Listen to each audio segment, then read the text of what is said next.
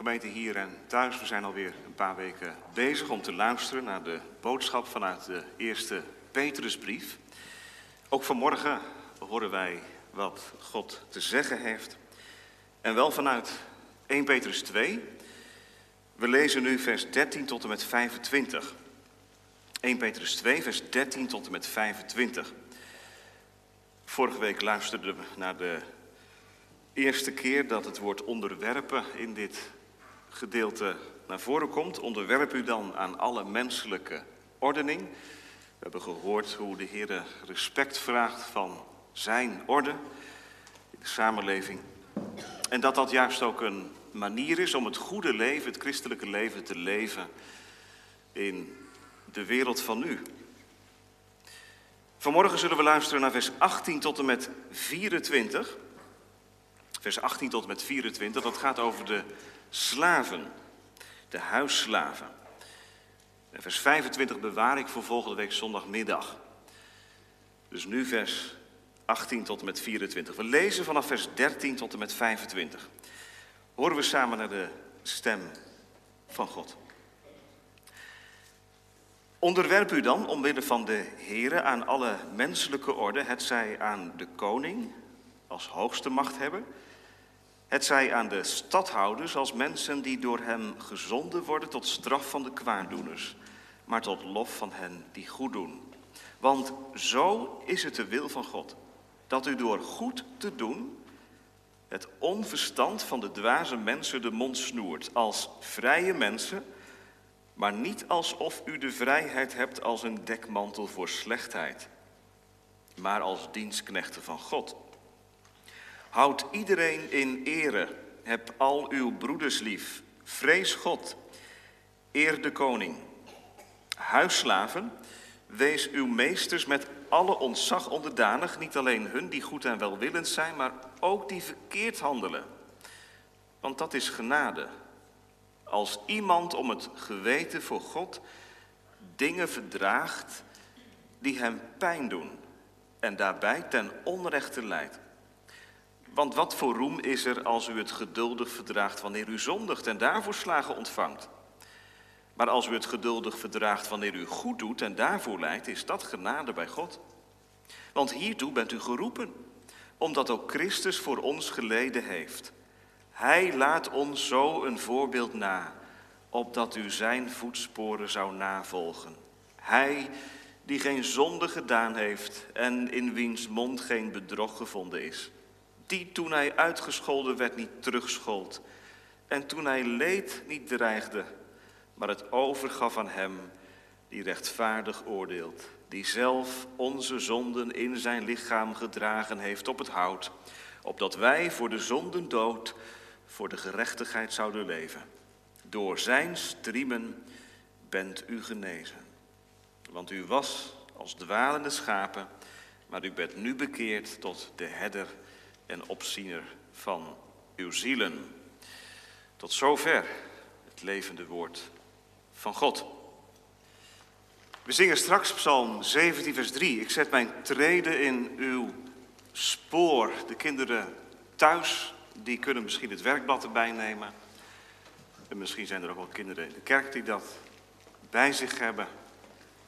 Daar zie je ook een plaatje van iemand die zijn voetstappen zet in het spoor wat al uitgezet is door iemand anders. Nou, dat zien we straks na de preek. En ik hoop dat het ook jouw gebed is. En het gebed van ons allemaal. Ik zet mijn treden in uw spoor. Over dat spoor gaat het deze morgen. Het voetspoor van Christus. Het thema is in het voetspoor van Christus. En dat komt uit vers 21. Hè? Opdat u zijn voetsporen zou navolgen. In het voetspoor van Christus. Hij heeft het ons voor gedaan. Hij heeft het voor ons gedaan. Hij heeft het ons voorgedaan. Hij ging voorop. Hij heeft het voor ons gedaan. Hij heeft het gedaan als middelaar als zaligmaker. Eerst dus, hij heeft het ons voorgedaan. Gemeente, hier in de kerk, thuis, tegenwoordig. Het is een prachtig gedeelte. En zeker als je zou beginnen te lezen bij vers 21. Petrus die daar aan de hand van Jesaja 53 tekent hoe Jezus als de man van smarten, als de zoon des mensen, zijn leven gegeven heeft. Prachtig. Uniek gedeelte. En toch is het ook een beetje ongemakkelijk. En dat komt denk ik vooral omdat we begonnen te lezen bij vers 13 en dat de tekst ook vers 18 inhoudt. Slaven. Dat is nou jammer. Dat dat prachtige, ontroerende gedeelte vanaf vers 21 verbonden wordt, want dat is heel nadrukkelijk de bedoeling van Petrus, met dat gedeelte over die slaven. Waarvan Petrus dus niet zegt, weg met de slavernij. Nee, hij zegt, slaven, wees je meesters onderdanig. Niet alleen degene die je complimenten geven, maar ook degene die je uitbuiten. Die je pijn doen. Gemeente, wij leven natuurlijk 2000 jaar na de brief van Petrus. Hè? Dus even voor onze helderheid. Slaven waren destijds de hoeksteen van de economie. Machines vandaag waren de slaven van toen. Ze waren onvervangbaar.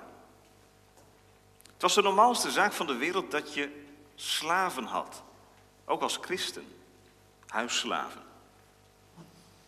Dat waren toch de, de krachten waardoor de economie gaande werd gehouden. Het is natuurlijk heel makkelijk om ons beter te gevoelen hè, vandaag. Dan zeggen we, ja, die slavernij, dat is maar goed dat het afgeschaft is. En laat dat heel helder zijn, dat is ook goed. Dat is ook een christelijke verworvenheid, om zo te zeggen. Christenen hebben juist daartegen gestreden en uiteindelijk is het ook afgeschaft, hè, in Amerika bijvoorbeeld. Maar um, slavernij, kennen we dat niet meer? Die iPhone dan, uit China, en die kleding uit Bangladesh? Doe, laten we niet te braaf zijn, de gemeente, want in hoeverre werken wij vandaag mee aan uitbuiting van kindslaven? En wat dacht u van de vrouwenhandel? Dames uit Oost-Europa die hier hun geld verdienen door hun lichaam uit te buiten. Uit te laten buiten. Ik las ergens de uitspraak. Zolang mensen als koningen willen leven, zullen er slaven zijn.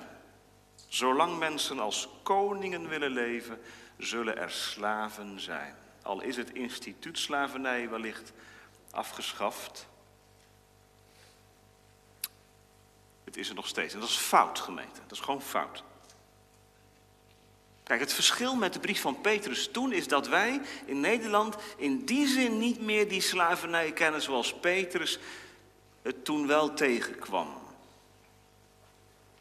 Maar wij voelen ons wel ongemakkelijk. Had Petrus niet kunnen oproepen tot verzet? Slaven, vlucht. Breek de ban. Doet hij niet.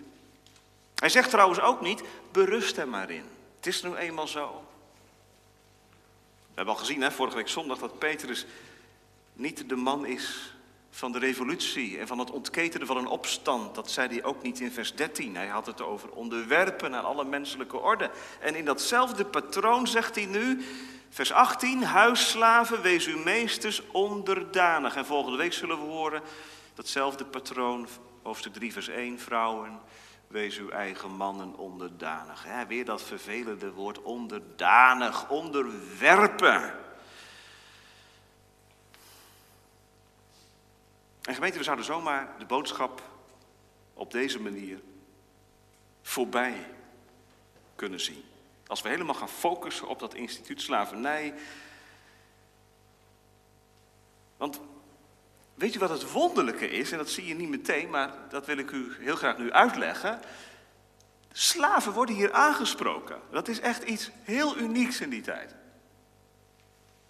Als slaven niet meer zijn dan machines en koeien, nou die spreek je niet aan. Petrus spreekt ze wel aan. En ook nog eens een keer als eerste, ziet u dat? Eerst de slaven, vervolgens de vrouwen in hoofdstuk 3 en helemaal aan het eind die stoere sterke mannen, vers 7.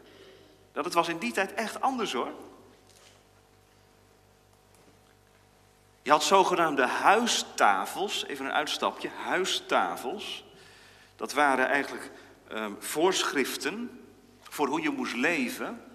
Aristoteles had huistafels en Seneca en al dat soort uh, geleerde mannen. Die maakten huistafels, voorschriften hoe je moest leven in je gezin, in de samenleving. En dat begon altijd bij degene die het meest gezag had. Natuurlijk, de man. Toen. En daarna pas de vrouw. En Petrus draait het om. Revolutionair. Revolutionair is dat. Eerst slaven. Vervolgens de vrouwen. Dan de man. De slaven horen er gewoon bij. Ze worden aangesproken. Ze zijn mens. Waar is het Petrus om te doen, gemeente? Hij heeft een boodschap voor de slaven. Wat is die boodschap dan? De boodschap is dat zij in hun ingewikkelde, zware omstandigheden als christen kunnen mogen leven. Het goede leven, zelfs in die gure werkelijkheid. Binnen zo'n huis waar meesters huis hielden als despoten. Dat ze daar Christus mogen navolgen. Gemeente, een slaaf kan geen kant op. Kinderen, een slaaf in die tijd was soms letterlijk gebonden aan handen en voeten. Die werd losgemaakt als hij een klusje mocht doen voor de meester. Een slaaf kan geen kant op. En weet je wat Peter zegt? Jullie zijn vrij. Als je van Christus bent, ben je vrij. Al zit je gevangen, dan ben je vrij. Nou gemeente, daar zit denk ik al een boodschap in. Die huisslaven, hè, zoals Petrus hier noemt. Die huisslaven die in de marge leven, die aan de kant gezet werden, die als vee behandeld worden, als machines uitgebuit worden. In zo'n situatie is het evangelie van Christus niet gebonden. Gemeente, ik weet niet hoe u nu luistert vanmorgen. Ik hoop dat het voor u ook een vraag is, voor jou ook een vraag is. Hoe, hoe moet je nou leven als christen in de situatie waarin ik gesteld ben? En ik ben geen slaaf, ik ben werknemer, ik ben werkgever. Ik werk nu thuis of buitenshuis. Is dat voor u ook een vraag? Blijkbaar waren er ook vragen van, van slaven in die tijd. Hè? Petrus gaat erop in hoe, hoe nu te leven en het evangelie van Christus in het leven naar voren te laten komen. Gemeente, dat is een vraag die hoort bij Iemand die met Christus is opgewekt in een nieuw leven. Anders sta je er niet bij stil. Dan leef je je leventje. Maar weet je wat nou het verschil is, kinderen, met iemand die in de Heer Jezus gelooft? Die heeft leren vragen, Heere God, wat wilt u dat ik doen zal? Wat is het spoor wat ik moet gaan? Wijst u het mij aan, zodat ik mijn voetstappen mag zetten in uw spoor. Is dat ook jouw vraag? Dat is een vraag van een nieuw hart, een wedergeboren hart, van een nieuw leven. Weet je, anders wordt het christelijk leven zomaar religie. Dan zijn we met elkaar gezellig in de kerk zondags en dan gaan we naar de kerk en dan luisteren we naar een preek en rond de maaltijd lezen we uit de Bijbel en, en we bidden en, en dat is het dan zo'n beetje. En nou ja, hoe het leven er verder uitziet, Petrus heeft het voortdurend over het leven, het goede leven. En dat werkt door in alle facetten. Hoe je omgaat met anderen. Hoe je je tijd indeelt. Hoe je met je bezit omgaat. Als gemeente, en dat botst geweldig denk ik vanmorgen, maar Petrus laat allereerst zien, het leven van een christen is niet afhankelijk van de vrijheid en de blijheid van de samenleving. Dat je kunt gaan en staan waar je wilt. Zelfs in de meest beroerde omstandigheden, waarin je gebonden bent, Daar, daar vindt het christelijke leven plaats. Is het niet verwonderlijk, gemeente, dat Petrus het voorbeeld van Christus juist verbindt aan dat van de slaven? Is dat vreemd? Nee, want wie was nou de slaaf bij uitstek? Als ik aan de kinderen vraag, wie is de Heer Jezus geweest? Hoe kwam hij naar deze wereld? Kwam hij als een koning? Hij kwam als een slaaf. Hij werd uiteindelijk letterlijk ook gebonden. Peter zegt eigenlijk, slaven, jullie situatie lijkt het meest op die van Jezus Christus, jullie Here. Hij werd uitgebuit, hij werd verminkt, hij werd gekleineerd. En dat niet omdat hij slechte dingen deed. Als je slechte dingen doet, stel je haalt wat uit thuis. Je doet iets waarvan je vader en moeder zeggen, dat kan niet. Krijg je straf, hè? Eerst een waarschuwing en dan straf. Maar stel nou dat je iets goeds doet. Je helpt je moeder, je helpt je vader en vervolgens krijg je straf. Dat klopt niet, hè? Weet je wat Petrus zegt? Het is niet vreemd als je klappen krijgt van je meester als slaaf als je iets verkeerd doet. Maar weet je, als je nou iets goeds doet, hè, als je niet terugscheldt, als je meester je de huid vol scheldt, omdat je niet hard genoeg werkt, en als slaaf ga je niet terugschelden, maar als slaaf verdraag je. Dat is pijnlijk, maar, zegt Petrus in vers 19, dat is genade. Want dan lijk je heel erg op de Heer Jezus Christus. Die deed dat namelijk ook. Hij heeft je voorgedaan. Ik heb nog steeds contact met iemand in India die deze week mij een appje stuurde van een man op weg naar de kerk. Dat is een videootje. Dus een dominee die op weg is naar zijn kerk en die wordt omringd door een groep volwassenen en kinderen die hem uitjouwen en die hem duwen.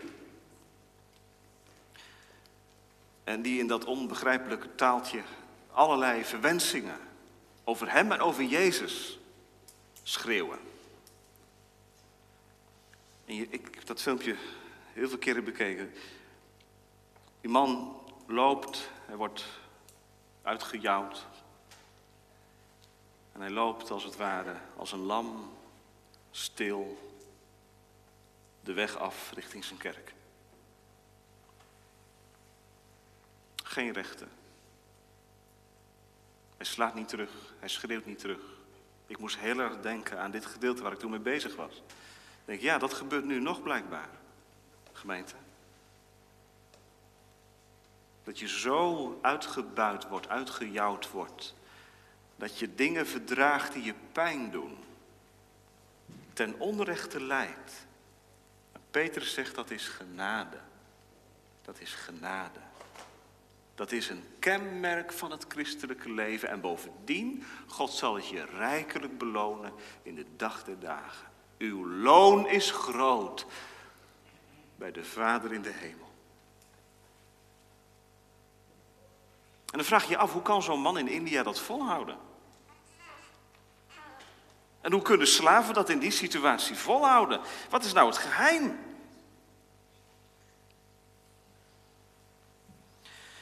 Nou, Petrus zegt, vers 21, je bent hiertoe geroepen. Dit is je roeping. Weet je wat de roeping van een christen is? In de wereld mag je schitteren. Moet je het goed doen. Floreren. En Petrus zegt, weet je wat de roeping van een christen is? Het spoor van Christus volgen het spoor van Christus volgen. De Jezus is in de schoenen van een slaaf komen staan. Hij is een, heeft een spoor nagelaten. En jullie slaven mogen in dat spoor doorgaan. Al ben je machteloos. Je draagt een groot geheim met je mee. Je bent innerlijk vrij, terwijl je uiterlijk gebonden bent. Ik denk aan die dominee uit Korea, dat was in, net na de Tweede Wereldoorlog. Toen de communisten nog in Korea uh, huishielden. En die communisten die doden mensen, doden christenen. En weet je, kinderen, twee kinderen van die Koreaanse dominee, die werden gedood. Geëxecuteerd. Vreselijk verdriet van, voor die Koreaanse dominee. En twee jaar later, toen de communisten weg waren, toen bleek, toen kwam boven water, dat een van de beulen van die twee kinderen nog woonde in het dorpje waar die dominee ook woonde. En de lokale rechtbank wilde hem berechten. Hij zou straf krijgen voor die vreselijke daad. En die dominee hoorde dat. En weet je wat die dominee deed? Hij ging naar de rechtbank. En hij zei tegen de rechters: Deze jongen, die ken ik, is een dorpsgenoot van mij. Hij heeft mijn twee kinderen vermoord, maar ik wil dat hij vrijkomt. Ik wil hem aannemen tot mijn kind. Ik wil hem in mijn gezin opnemen. Ja, die rechters dachten, dat van onzin. Dus die geloofden hem niet. Toen heeft hij zijn dochter opgehaald. En samen met die dochter heeft hij opnieuw gepleit voor de vrijlating van die beul. En die jongen, jongen die is in het gezin van die dominee opgenomen en daar tot geloof gekomen. U kunt het verhaal ook lezen, want het is in een boek ook beschreven. The Triumph of Pastor Son. De overwinning van Pastor Son. Hij verloor twee kinderen. En hij overwon. Hoe dan? Door om zich heen te slaan, recht te doen, vergelding te vragen. Hij overwon door het goede te doen. Ja, als je dat leest, gemeente, ik weet niet wat u dan denkt, maar ik denk dan, ik kan niet in de schaduw staan van zo'n man. Ik lig al een beetje omver, hè, met, met een klein beetje tegenwind. En dan zoiets. Toch gemeente, het principe is dat ieder christen, kijk maar in vers 21, geroepen is om de voetsporen van Jezus Christus na te volgen. En dat is geen weg van schitteren. Dat is een weg van minder worden. Hij moet groeien, ik minder worden. Gemeente, wij leven in een tijd waarin wij dat oefenen. Als u beleidt de Heer Jezus Christus lief te hebben, dan is dit je roeping. Hiertoe bent u geroepen. Dat is geen optie. Wij denken van, nou ja, dan kunnen we er een beetje omheen buigen misschien, hè, zodat het toch nog een beetje comfortabel blijft. Hiertoe bent u geroepen. En dan is er voor iedereen in zijn eigen omstandigheden tegendruk, tegenwicht nodig. En de Heere God weet ook wel wat in Nederland daarvoor nodig is. Wij hebben niet te maken met die vervolging zoals die in Korea in de Tweede Wereldoorlog voorkwam. Of nu in India. Het gaat hier allemaal subtieler. Maar je bent principieel slachtschaap van Christus, zegt Paulus ergens, als je met hem leeft. Misschien zijn er wel kinderen die dat meemaken, dat kan. Dat er kinderen zijn die Jezus lief hebben en die soms meemaken dat er andere kinderen zijn die een beetje bespotten. Of die je treiteren. Wat moet je dan doen? Als je acht jaar bent, zes jaar bent, dan komt een ander jongetje in de speeltuin en die zegt tegen je, ben jij een christen? Die zegt misschien weer hele nare dingen over God. Of over het geloof. Wat moet je dan doen? Of als iemand je echt uitdaagt. Verdragen, geduldig verdragen, zegt Petrus. Dat is toch slap? Je kunt toch veel beter terugslaan? Nee, zegt Petrus, dat is krachtig. Kijk maar naar de Heer Jezus. Hij werd gescholden, uitgescholden en hij schold die terug, vers 23. Hij leed, maar hij dreigde niet, ik zal je betaald zetten. Hij gaf het over. Aan hem die rechtvaardig oordeelt. Gemeente, wij hebben te oefenen, zegt Petrus. Oefenen.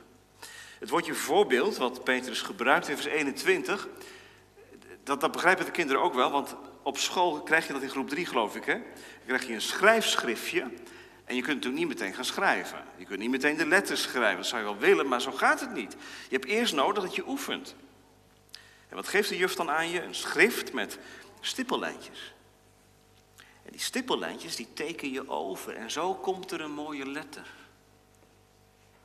En pas later heb je die stippellijntjes niet meer nodig, maar die stippellijntjes die zorgen ervoor dat je precies goede letter maakt. Nou, dat voorbeeld gebruikt Petrus eigenlijk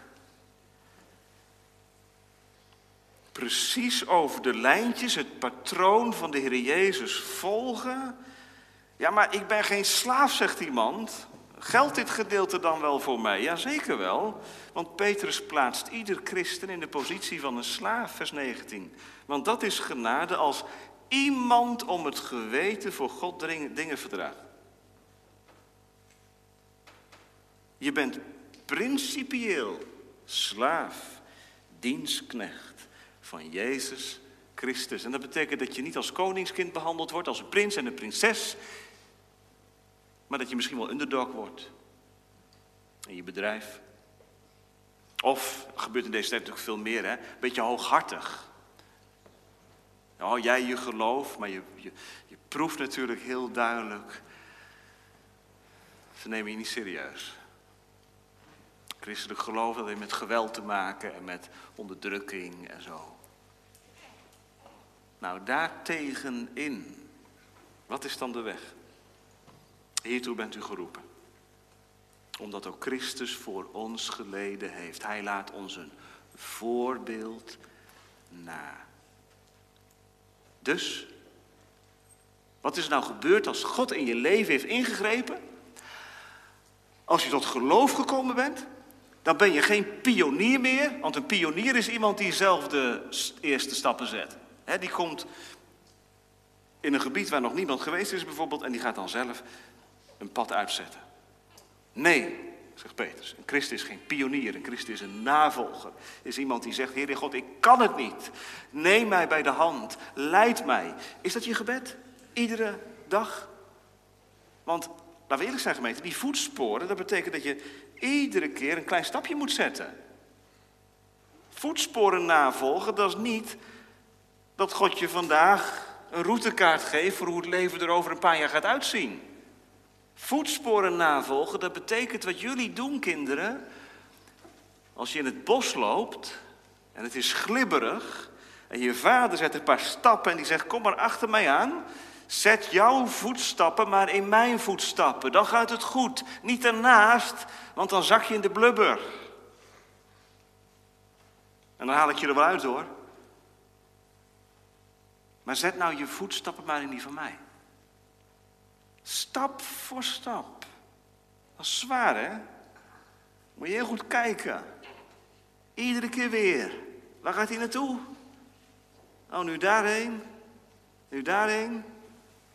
Dat is navolgen, gemeente. Dat betekent heel dicht bij vader blijven.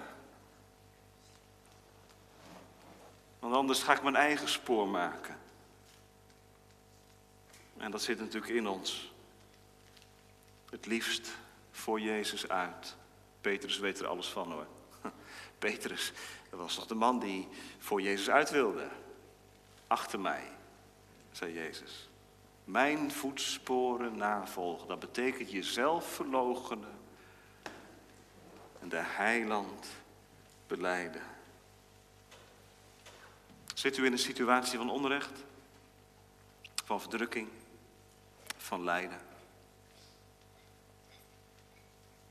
Het lijkt een slap verhaal, zegt iemand, want je moet alles maar geduldig verdragen. En het gedeelte dat de Heer Jezus nooit terugsloeg, maar wel het overgaf aan Hem die rechtvaardig oordeelt.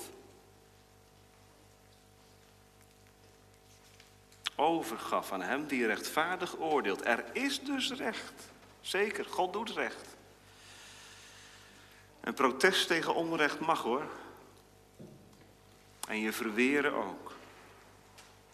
Want het ware christelijke leven is niet dat je alles over je heen laat komen. Maar het christelijke leven is ook dat je overgeeft aan Hem die rechtvaardig oordeelt. Loslaten is ook genade. De voetstappen van Jezus Christus navolgen. We gaan het voor elkaar niet invullen, gemeente, maar dan moeten we onszelf maar heel, heel nadrukkelijk afvragen. Of we in ons leven, ook als er situaties zijn waarin ons onrecht aangedaan wordt, of wij als een schaap de voetstappen van Jezus Christus volgen, of het toch een beetje omheen zelf het recht in eigen hand houden. Het luistert heel nauw. En als u nou vraagt van ja, maar hoe moet dat dan? Want u zegt nou wel dat, dat Jezus ons voor is gegaan, maar hoe moet dat? Nou gemeente, ik stuur u nu naar huis met punt 1. Dat doet Petrus ook niet. Petrus zegt niet tegen de slaven, nou, geduldig verdragen, hè, dat is het spoor wat Jezus wijst. Goed doen, lijden, het hoort erbij. Kijk maar naar de Heer Jezus. Nee, dat is het tweede. En daar eindigt hij mee. Daar loopt het hoofdstuk op uit. En dat is uiteindelijk de brongemeente van de navolging. Hij heeft het voor ons gedaan. Voor ons. Petrus zegt dus niet, het gaat erom dat je als slaaf een soort kleine lookalike wordt van de Heer Jezus. Dat je hem na gaat doen. Dat kun je niet. Dat kun je niet. Wat dan wel? Wat Petrus doet, gemeente, is al die slaven die zo vertrapt worden, de gemeenteleden die onrecht ondergaan, jij die op je werk hooghartig behandeld wordt door je baas, die vindt dat jij achter of uh, ouderwets bent, achterhaalde standpunten erop nahoudt. Wat doet Petrus? Hij neemt je vanmorgen mee naar het kruis. En hij zegt, maak maar studie van de Heer Jezus. Je krijgt van mij, geen tips om Jezus na te volgen. Je krijgt het patroon uitgetekend. En ik neem je mee, want het patroon, de voetsporen van Jezus, waar eindigen die gemeenten? Die eindigen bij het kruis. Op het hout, vers 24. Op het hout, daar gaat het naartoe. Dat is het beeld van een altaar. En dat beeld wil Petrus ook oproepen. Dat Jezus zichzelf gegeven heeft met zijn lichaam op het hout gegaan is. En daar gestorven is. Als de Heilige Geest gemeente neemt je iedere zondag weer mee naar de Heer Jezus Christus. Dat wil de Heilige Geest doen. En daar is hij op uit dat je je hart aan hem ophaalt. Dat je in jouw situatie van moeite, van lijden, van onrecht, blikt op wie hij is. Hij. Hij staat centraal. Hij, vers 22 die geen zonde gedaan heeft en in wiens mond geen bedrog gevonden is. Hij, die toen hij uitgescholden werd niet terugschold en toen hij leed niet dreigde. Hij die zelf onze zonde in zijn lichaam gedragen heeft op het hout. Zie wat hij gedaan heeft voor u. Naar het kruis, gemeente. In de kerk zit je toch een beetje op school, kinderen. Je hebt vijf dagen school, maar Eigenlijk zit je in de kerk ook een beetje op school, weet je dat? Weet je waar je les in krijgt in de kerk? Je krijgt les in het kijken naar de Heer Jezus. En nu wel heel nadrukkelijk. Weet je wat de Heilige Geest wil, kinderen? Dat je naar de Heer Jezus kijkt. Waar is die dan, zegt u? Waar is die dan? Ik zie hem niet. Hij tekent zichzelf uit in de Bijbel. Als het lam van God. Kijk wat hij doet. Hij heeft mijn zonden gedragen. Afschrikwekkend hè, is dat eigenlijk. Wil je kijken naar een kruis? Wil je kijken naar iemand die aan een kruis hangt? Is dat het christelijk geloof? Ja, dat is het christelijk geloof. Kijken naar een kruis. Geloven in het evangelie van het kruis. Dat is het christelijk geloof. Dat is afschrikwekkend. Dat is ongemakkelijk. Ik wil het liefst wegkijken, want gemeente, dat kruis gaat over mij. Hij hangt daar voor mij. Hij hangt daar in mijn plaats. Onze zonde, zegt Petrus, droeg hij in zijn lichaam. Misschien is het risico, ik weet het niet misschien is het risico van deze preek wel dat je blijft steken in het eerste gedeelte van de preek, bij wat Jezus ons voordoet. En dat je denkt, ja, nu moet ik dat ook gaan nadoen. En ja, ik leef niet in Korea en misschien heb ik wel niet te maken met een hele moeilijke situatie. Hoe, hoe moet het dan? Ik denk even aan Augustinus. Augustinus die hield in de vijfde eeuw na Christus preken over heiligen. En met heiligen bedoelde hij martelaren. Dus mensen die zichzelf letterlijk tot in de dood overgaven. Omwille van het geloof in de Jezus Christus. In de vijfde eeuw waren er geen christenvervolgingen meer. In zijn gebied althans. Waarom preekte hij over martelaren als er geen martelaren meer zijn? Gemeente, waarom zou ik preken over deze tekst als wij niet in Korea of India leven? Augustinus zei, je kunt van hen leren. Het was hun overtuiging dat het beter is met God te sterven dan zonder Hem te leven. Nou gemeente, al zou je dan vandaag geen martelaar meer zijn. Het is vandaag wel de tijd, de hoogste tijd voor de toewijding aan Christus. En wat is nou de bron?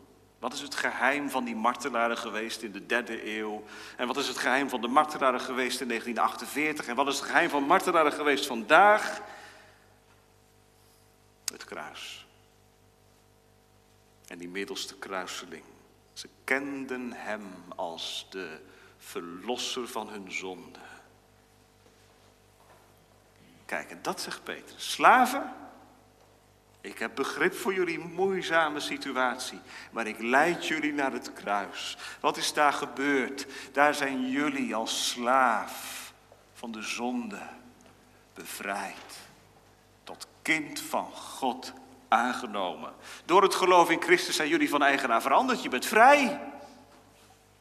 Hij wilde in de boeien om jou te ontbinden. En dit kleine, kleine poosje oefenterrein, 40, 60, 80 jaar, is bedoeld om je te vormen en te kneden. En dat doet pijn. En we hebben allemaal onze eigen sores die ervoor zorgt dat het leven onder druk komt te staan. En dan mogen we ons hart ophalen, jawel, aan hen die met veel meer tegendruk te maken hebben en zichzelf gaven in de navolging van Christus. De martelaren van vandaag en toen. Maar ik haal mijn hart vooral op, gemeente u ook, aan mijn meester. Mijn lieve zaligmaker, Heer Jezus Christus. Die mij, verloren zondaar, zo heeft lief gehad. Dat hij zichzelf gaf tot in de dood dat hij mijn zonden droeg in zijn lichaam op het hout, opdat ik voor de zonde dood, voor de gerechtigheid zou leven. Door zijn striemen ben ik genezen. Gemeente, dat geeft goede hoop en moed, ook als het leven soms zwaar kan zijn. Mijn herder is de Heere God. We gaan eindigen, gemeente. En ik eindig met meester Bergsma. Meester Bergsma. Meester Bergsma die was hoofd van de lagere school in Delft. In de Tweede Wereldoorlog. En meester Bergsma was een man in de vrezen van God. Dat betekent hij leefde dicht bij de Heer. En de kinderen merkten aan deze meester dat dit een meester was die God lief had. Met diep ontzag. En met eerbied. En op een dag kwamen de kinderen in de Tweede Wereldoorlog de, school, de, de schoolklas binnen van, van meester Bergsma. Meester Bergsma zat achter zijn bureau. Hij had zijn handen zo naast zijn hoofd. En ik keek naar beneden en de kinderen dachten, er is iets aan hand. Wat is er met hem aan de hand? Iedereen was stil. Hij huilde. Waarom huilde meester Bergsma? Toen keek hij op. Hij rechtte zijn rug en hij sprak. Zijn oudste zoon, Volkert, had deelgenomen aan het verzet. En was door de bezetter gedood. Die nacht. Hij was een gebroken man. Meester Bergsma was zijn zoon kwijt. En toen stond hij op. En hij zei tegen de kinderen: Pak je schrift en schrijf mee. En hij wandelde naar het bord toe. En weet je wat hij op het bord schreef? Jezus, ga ons voor.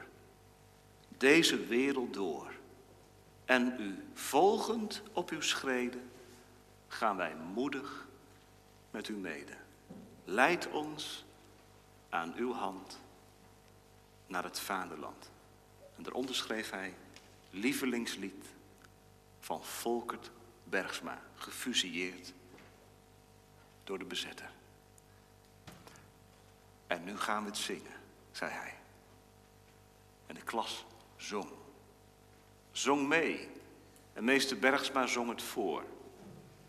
En door genade kon het ook zingen. Gemeente, wij gaan ook zingen. Ik zet mijn treden in uw spoor, opdat mijn voet niet uit zou glijden. Ben je ook zo iemand? Pionier af, navolger geworden in het spoor van de goede herder. Maar hulpeloos en hopeloos zonder hem. Daarom de handen gevouwen en de ogen gericht op Hem, de herder en opziener van mijn ziel, die weet wat ik doormaak en die na een korte tijd van tegenwicht en tegenstand en tegendruk mij op zal nemen in zijn heerlijkheid. En dan, ja, dan is het klaar, dan zie ik het. Waarom het allemaal moest gebeuren en waarom al die rafels in mijn leven er waren en al die, die vragen waar ik nu geen antwoord op heb, dan zie ik het. En hier leer ik het. Navolgen is mijzelf verloochenen en Hem beleiden. Mijn verlosser. Uw verlosser. Amen.